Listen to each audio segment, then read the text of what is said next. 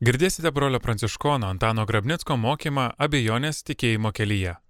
Antroje laidos dalyje girdėsite popiežiaus pranciškaus katechezę apie viltį. Skaito kunigas Aivaras Jurgilas. Tikėjimas ir abejonė. Mielas broli, mielas sesė. Kviečiu pamastyti ir įvertinti abejonės, kurios kartais kyla tikėjimo kelyje.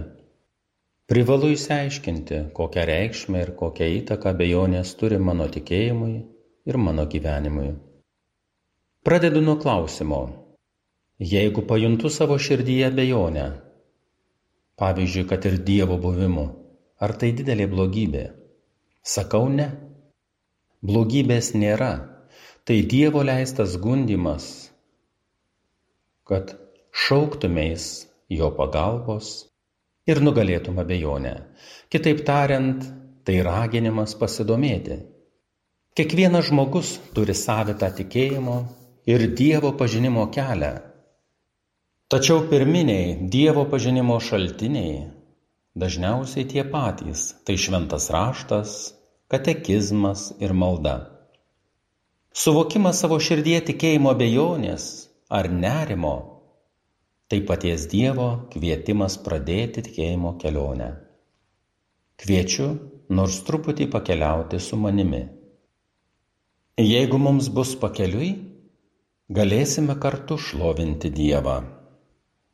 Pirmiausiai kviečiu įvertinti mūsų žmogišką prigimtį. Žmogus gimsta nieko nemokėdamas.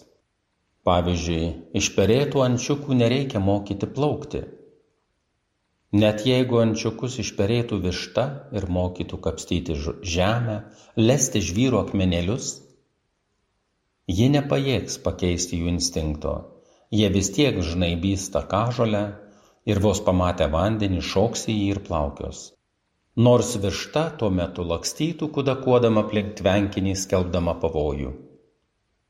Deja žmogus to neturi, jis gimsta visiškai nesavarankiškas. Ir labiausiai iš visų gyvų sutvėrimų, pirmosiomis gyvenime dienomis reikalingas ypatingos globos ir pagalbos. Žmogaus kūdikis gimsta daug mažiau išsivystęs nei gyvūnų jaunikliai. Jis moka tik tai rėkti ir čiulpieną. O gyvūnų, tokių pavyzdžių kaip šunys, beždžionės, žirafos ar arkliai, jaunikliai moka šliaužioti, įsikibti ar net iškart atsistoti ant kojų. Jei bet kurio gyvūno palikuonio smegenys praktiškai susiformuoja iki gimimo, tai žmogaus naujagimio smegenys yra tarsi tuščias popieriaus lapas. Nuo to, kas bus įrašyta šiame lape, priklauso, kiek gabus ir išprusęs tap žmogus. Gimę mes mokomės ne tik vaikščioti, kalbėti, higienos dalykų, bet taip pat ir tikėjimo dalykų, o ypač mylėti. Ne vienas negimstame mokėdami vairuoti automobilį ir panašiai. Taigi tikėjimo bejonės suvokimas ar to, kad aš kažko nežinau, nėra blogis. Blogis būtų ir toliau pasilikti nežinojime. Kitaip tariant, nesigilinti ir neatsiliepti į raginimą pažinti. Moralinėje teologijoje toks neveiklumas būtų vadinamas valinga abejonė. Antra, pasinaudokime bažnyčios autoritetu ir jos dviejų tūkstančių metų patirtimi. Katalikų bažnyčios katekizmo 2008 punktas sako, Tėviškas Dievo veikimas savo įtaka yra pirmesnis. Laisvas žmogaus bendradarbiavimas paskesnis. Tad ir nuopelnai dėl gerų darbų pirmiausia priskiriami Dievo maloniai ir tik paskui tikinčiajam. Taigi žmogaus nuopelnų šaltinis galiausiai yra Dievas, nes geri žmogaus darbai prasideda Kristuje iš šventosios dvasios įkvėpimo ir pagalbos. Arba 2567 punktas. Dievas pirmas pašaukia žmogų, maldoje visada pirmas su meile kreipiasi ištikimasis Dievas, žmogaus kreipimasis visada tėra atsakymas. Kuo labiau apsireiškia Dievas ir leidžia žmogui pačiam save pažinti, tuo labiau malda tampa abipusių šauksmų ir sandoros drama, į kurią žodžiais ir veiksmais įsijungia širdis. Iš to, kas pasakyta, aišku, kad mūsų mintys gali būti įtakotos iš šalies tiek Dievo, tiek žmonių, tiek gundytojo. Tad abejonė ar savotiškas nerimas yra ženklas pasirūpinti žiniomis ir pašalinti abejonę. Taigi Dievas visada mūsų širdyje prabyla pirmas, o mes, kaip be apsispręstume, tik atsakome. Kaip mes elgiamės abejonės atžvelgių kasdienėme gyvenime? Jeigu būdamas kambaryje pradedu abejoti, ar užrakinau nakčiai duris, ką pirmiausia darau? Einu prie durų ir patikrinu, kitaip tariant, pašalinu abejonę. Šiuo atveju nekyla jokių minčių apie kitokį galimą sprendimą ar poelgį. Dvasinėje plotmėje turėtume elgtis pagal tokį pat principą.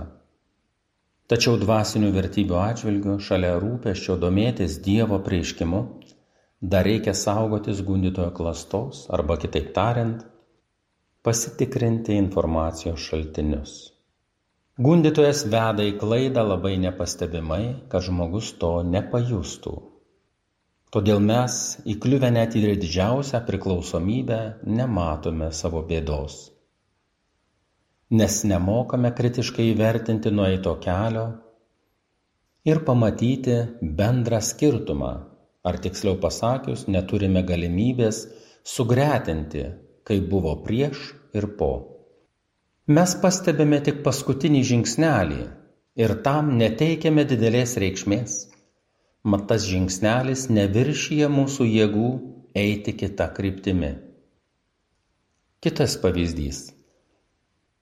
Per savo gyvenimą nesu sutikęs nei vieno žmogaus, kuris apie maistą sakytų, kuo daugiau supuvusio maisto valgysiu, tuo stipresnis būsiu arba kuo daugiau užnuodyto ar užkrėsto patogenais maisto vartosiu, tuo būsiu sveikesnis.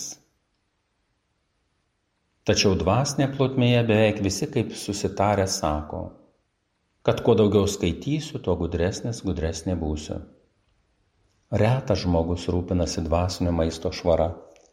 Nuo vaikystės tėvai to nemoko. Mane labai nustebino pirmaisiais seminarijos mokymosi metais kalbinantys mane inteligentai. Bemaž visi užduodavo tą patį klausimą. Jūs tikriausiai labai gerai išstudijuojate Lenino raštus, kad juos sukritikuotumėte. Šiame klausime ar teiginyje galime išvelgti akivaizdų pasiryžimo rūpintis dvasinio maisto švara nebuvimą. Čia noriu pabrėžti, kad labai svarbu, iš kokių šaltinių pripildysime savo širdį dvasinio pasaulio pažinimu. Atsiradęs nerimas tai greičiausiai perspėjimas, kad iš netinkamo žinių šaltinio malšindami savo troškulį patekome į didžiulį pavojų prarasti savo laisvę. Manau, kad nebus prieštaraujančio pasakymui, kad žmogus esantis priklausomybėje yra vergas ir jau nebeturi galimybės laisvai tvarkyti savo laiką ir gyvenimą.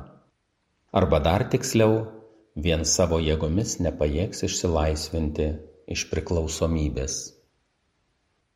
Krikšto metu mums įskiepijamos trys dieviškos darybės - tikėjimas, viltis ir meilė. Nuo krikšto dienos tėvai ir krikštatėviai yra atsakingi už šitų darybių ugdymą pakrikštytojo širdyje. O nuo savarankiškumo momento mes perimame tą atsakomybę palaipsniui ant savo pečių.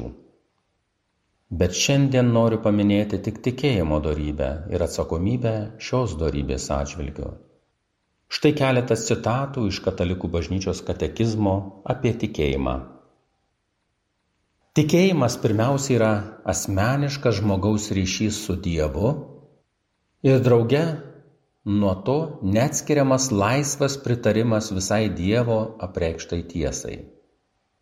Būdamas asmeniškas ryšys su Dievu ir pritarimas jo apreikštoms tiesoms, krikščionių tikėjimas, skiriasi nuo tikėjimo žmogumi. Teisinga ir gera visiškai pasitikėti Dievu ir absoliučiai tikėti tuo, ką jis sako. Būtų tuščia ir klaidinga šitaip tikėti kūriniu. Tikėjimas yra tikras, daug tikresnis negu visoks žmogiškas pažinimas, nes remiasi paties Dievo, kuris negali meluoti žodžiu. Be abejonės apreikštosios tiesos žmogaus protui ir patirčiai gali atrodyti neaiškios.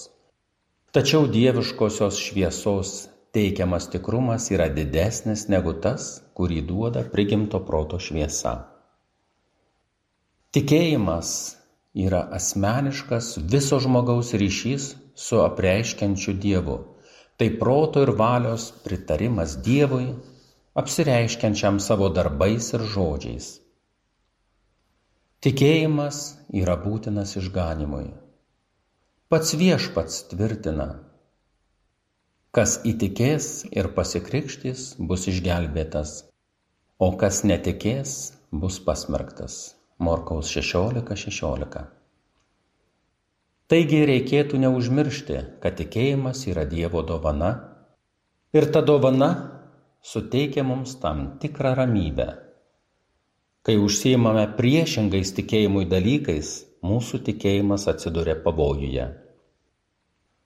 Jeigu mes tikėjimo nemaitiname, bet skiriame laiką prieštaros dalykams ir žinioms, tada ir patiriame Dievo perspėjimą, tam tikrą nerimą ir abejonę. Turime labai panašų pavyzdį iš savo kasdienybės.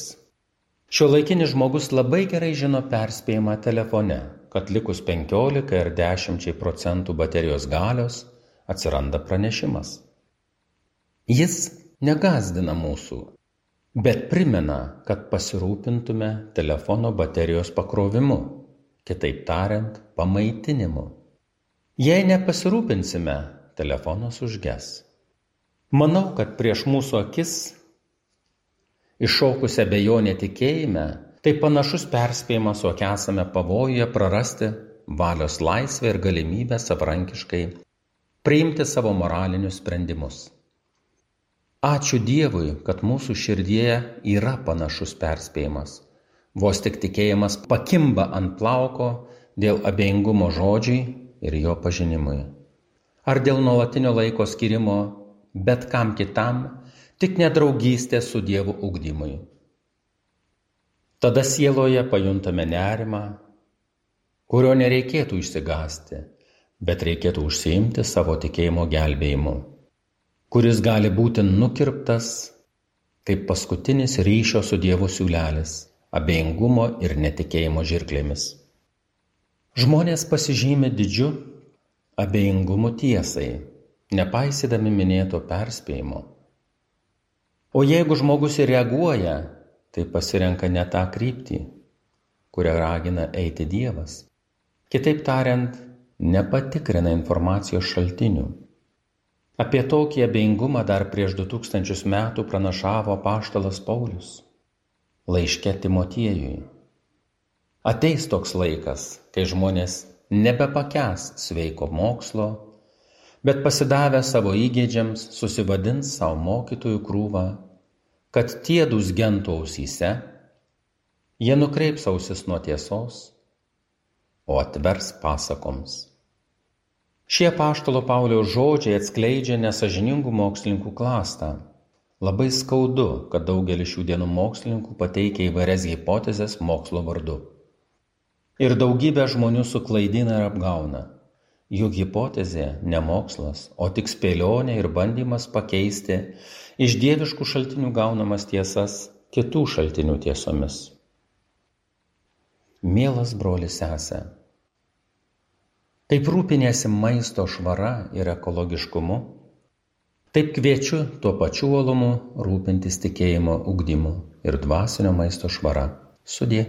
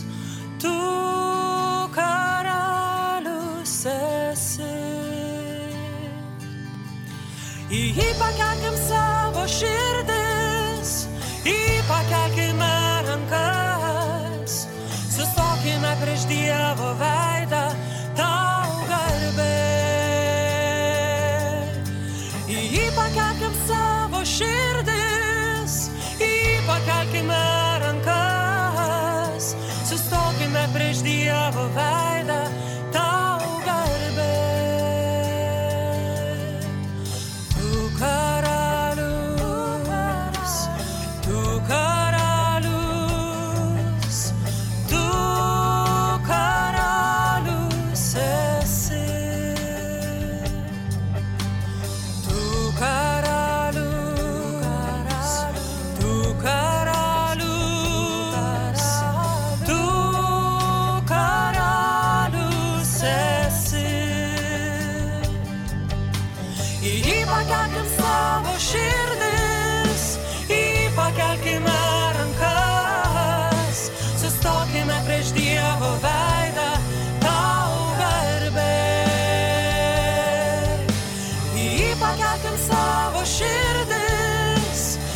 pakelkime rankas, sustokime prieš Dievo veidą,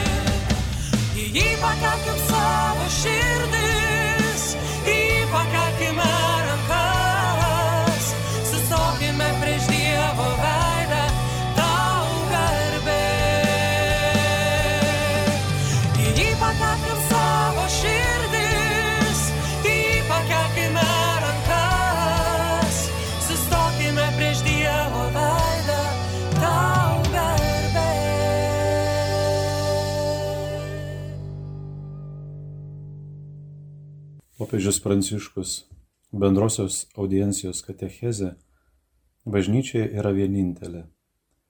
2013 metai rugsėjo 25 diena. Tikėjimo išpažinime sakome, tikiu vieną bažnyčią. Tai yra išpažįstame, kad bažnyčia yra vienintelė ir pati savaime yra vienybė.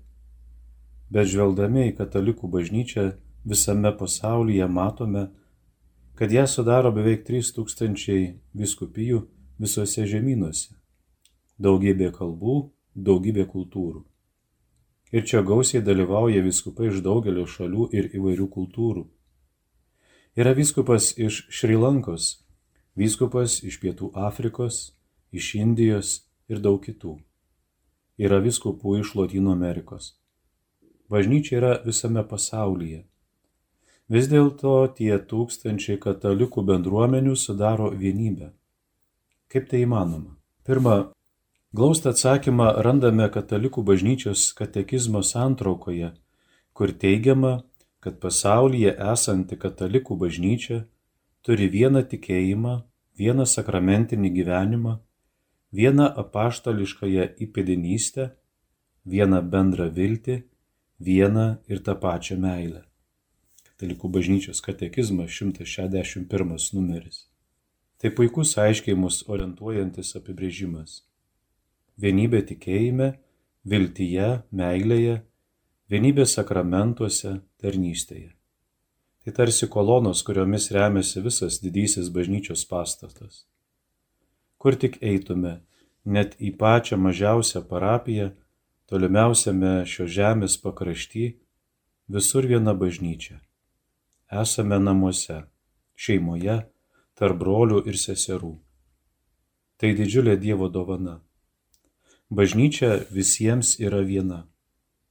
Nėra atskiros bažnyčios europiečiams, atskiros afrikiečiams, atskiros amerikiečiams, azijiečiams ar okeanijos gyventojams. Ne, bažnyčia visur yra ta pati. Čia kaip šeimoje galime būti nutolę, išsibarstę po pasaulį, tačiau giluminiai šeimos narių siejantis ryšiai lieka tvirti nepriklausomai nuo atstumo. Pavyzdžiui, mastau apie pasaulio jaunimo dienų Rio de Žaneirė patirtį begalinėje jaunuolių minioje Kopakapanos paplūdimyje buvo girdėti kalbant daugybę kalbų. Teko matyti labai skirtingų veido bruožų, sutikti įvairių kultūrų, vis dėlto ten vyravo gili vienybė ir tą vienybę galime buvo justi. Tad klauskime savęs, ar aš kaip katalikas jaučiu tą vienybę, gyvenu bažnyčios vienybę. O gal man jie visai nesvarbi, nes esu užsidaręs savo mažoje grupėje ir pačiame savyje. Gal priklausau tiems, kurie privatizuoja bažnyčią, savinasi ją savo grupiai, savo draugams, savo tautai. Liūdna matyti, kaip bažnyčia privatizuojama dėl egoizmo, dėl tikėjimo stokos. Tai liūdna. Kai mastau ir girdžiu sakant, jog daugybė krikščionių pasaulyje kenčia, Esu abejingas ar jaučiu, tarsi kentėtų mano šeimos narys. Kai mastau arba girdžiu, kad taip daug krikščionių yra persiekėjami ar atiduoda gyvybę dėl tikėjimo, ar tai paliečia mano širdį, o gal manęs nepasiekia? Ar esu atviras tam broliui, tai seseriai, priklausantiems šeimai, atiduodantiems gyvybę dėl Jėzaus Kristaus? Ar melžiamės vieni už kitus? Užduodu jums klausimą, tačiau atsakykite ne balsu, bet savo širdyje. Kiek iš jūsų melžiatės už persekiojimus krikščionis? Kiek? Tegu kiekvienas atsako savo širdyje, ar melžiuosi už šį brolį, už šią seserį, kurie išgyvena sunkumus, išpažindami ir gindami savo tikėjimą. Reikia žvelgti plačiau, neužsidaryti savo aptvare jaustis bažnyčia, viena Dievo šeima. Antra, ženkime dar vieną žingsnį ir klauskime, ar ši vienybė nėra pažeista. Ar mes galime žaisti šią vienybę? Deja, istorijos kelyje būta visko ir net dabar ne visada gyvename vienybėje. Atsiranda nesusipratimų, konfliktų, įtampų, susiskaldimų, kurie ją žaidžia ir tada matome bažnyčios veidą ne tokį, kokio norėtume. Jis nerodo meilės, kurios nori Dievas. Tai mes keliame susiskaldimus. Užtenka pažvelgti į dar tebesančius susiskaldimus tarp krikščionių, katalikų, ortodoksų, protestantų. Jaučiame, kaip sunku pasiekti pilnutinę regimą vienybę. Dievas mums davonoja vienybę, bet mes dažnai nesugebama ją gyventi. Reikia siekti bendrystės ir ją kurti, ugdyti bendrystę, stengtis įveikti nesusipratimus ir susiskaldimą, pradedant nuo šeimos, bažnytinių bendruomenių, taip pat ir plėtojant ekumeninį dialogą. Mūsų pasauliui reikia vienybės. Tai epocha, kai mums visiems būtina vienybė, susitaikinimas ir bendrystė, o bažnyčia yra bendrystės namai.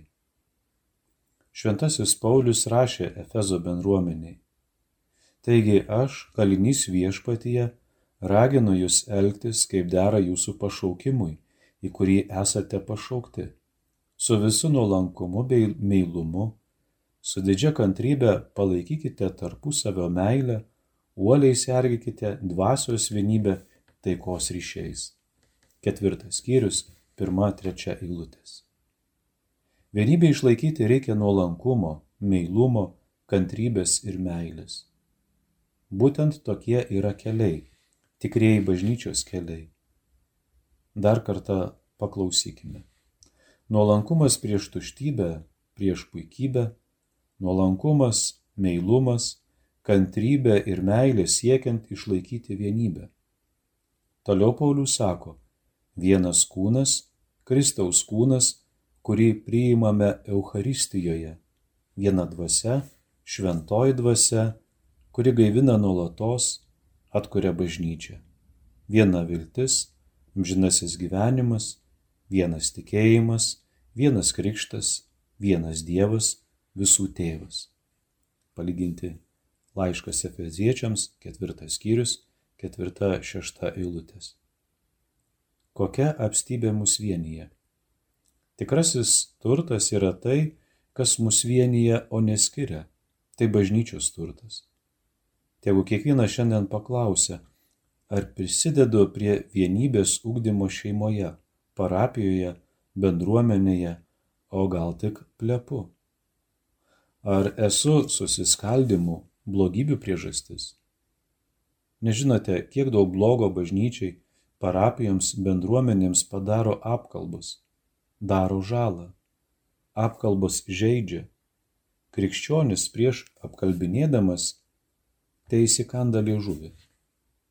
Taip ar ne?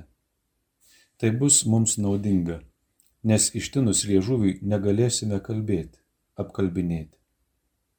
Ar turiu nuolankumo kantriai aukodamasis gydyti bendrystės sužeidimus? Trečia. Ir galiausiai dar vienas žingsnis gilyn. Geras klausimas, kas yra bažnyčios vienybės variklis? Tai šventoji dvasia, kurią visi gavome priimdami krikšto ir sutvirtinimo sakramentus. Tai šventoji dvasia, Vienybė nėra pirmiausia mūsų bendro sutarimo ar demokratijos bažnyčioje vaisius, nei mūsų pastangų rezultatas siekiant susitarti, bet kyla iš šventosios dvasios, kuri skirtybės sujungia, nes dvasia yra darna ir visuomet bažnyčioje kuria darną. Didžiulėje kultūrų, kalbų ir minčių įvairovėje yra darni vienybė šventoji dvasia variklis. Todėl svarbi malda, kuri yra mūsų angažavimuose puoselėti bendrystę ir vienybę sielą. Malda šventai dvasiai, kad jie ateitų ir suvienytų bažnyčią. Prašykime viešpaties. Viešpatie leisk mums būti vis vieningesniems, nebūti susiskaldimo priežastimi Padėk, kad siektume, kaip sakoma, gražioje pranciškonų maldoje, nešti meilę ten, kur siaučia nepykanta, atleidimą, kur įskaudinama, vienybę, kur nesantaika. Girdėjote popiežiaus pranciškaus katechezę apie viltį, skaitė kunigas Aivaras Jurgilas. Pirmoje laidos dalyje girdėjote brolio pranciškono Antano Grabnicko mokymą abejonės tikėjimo kelyje.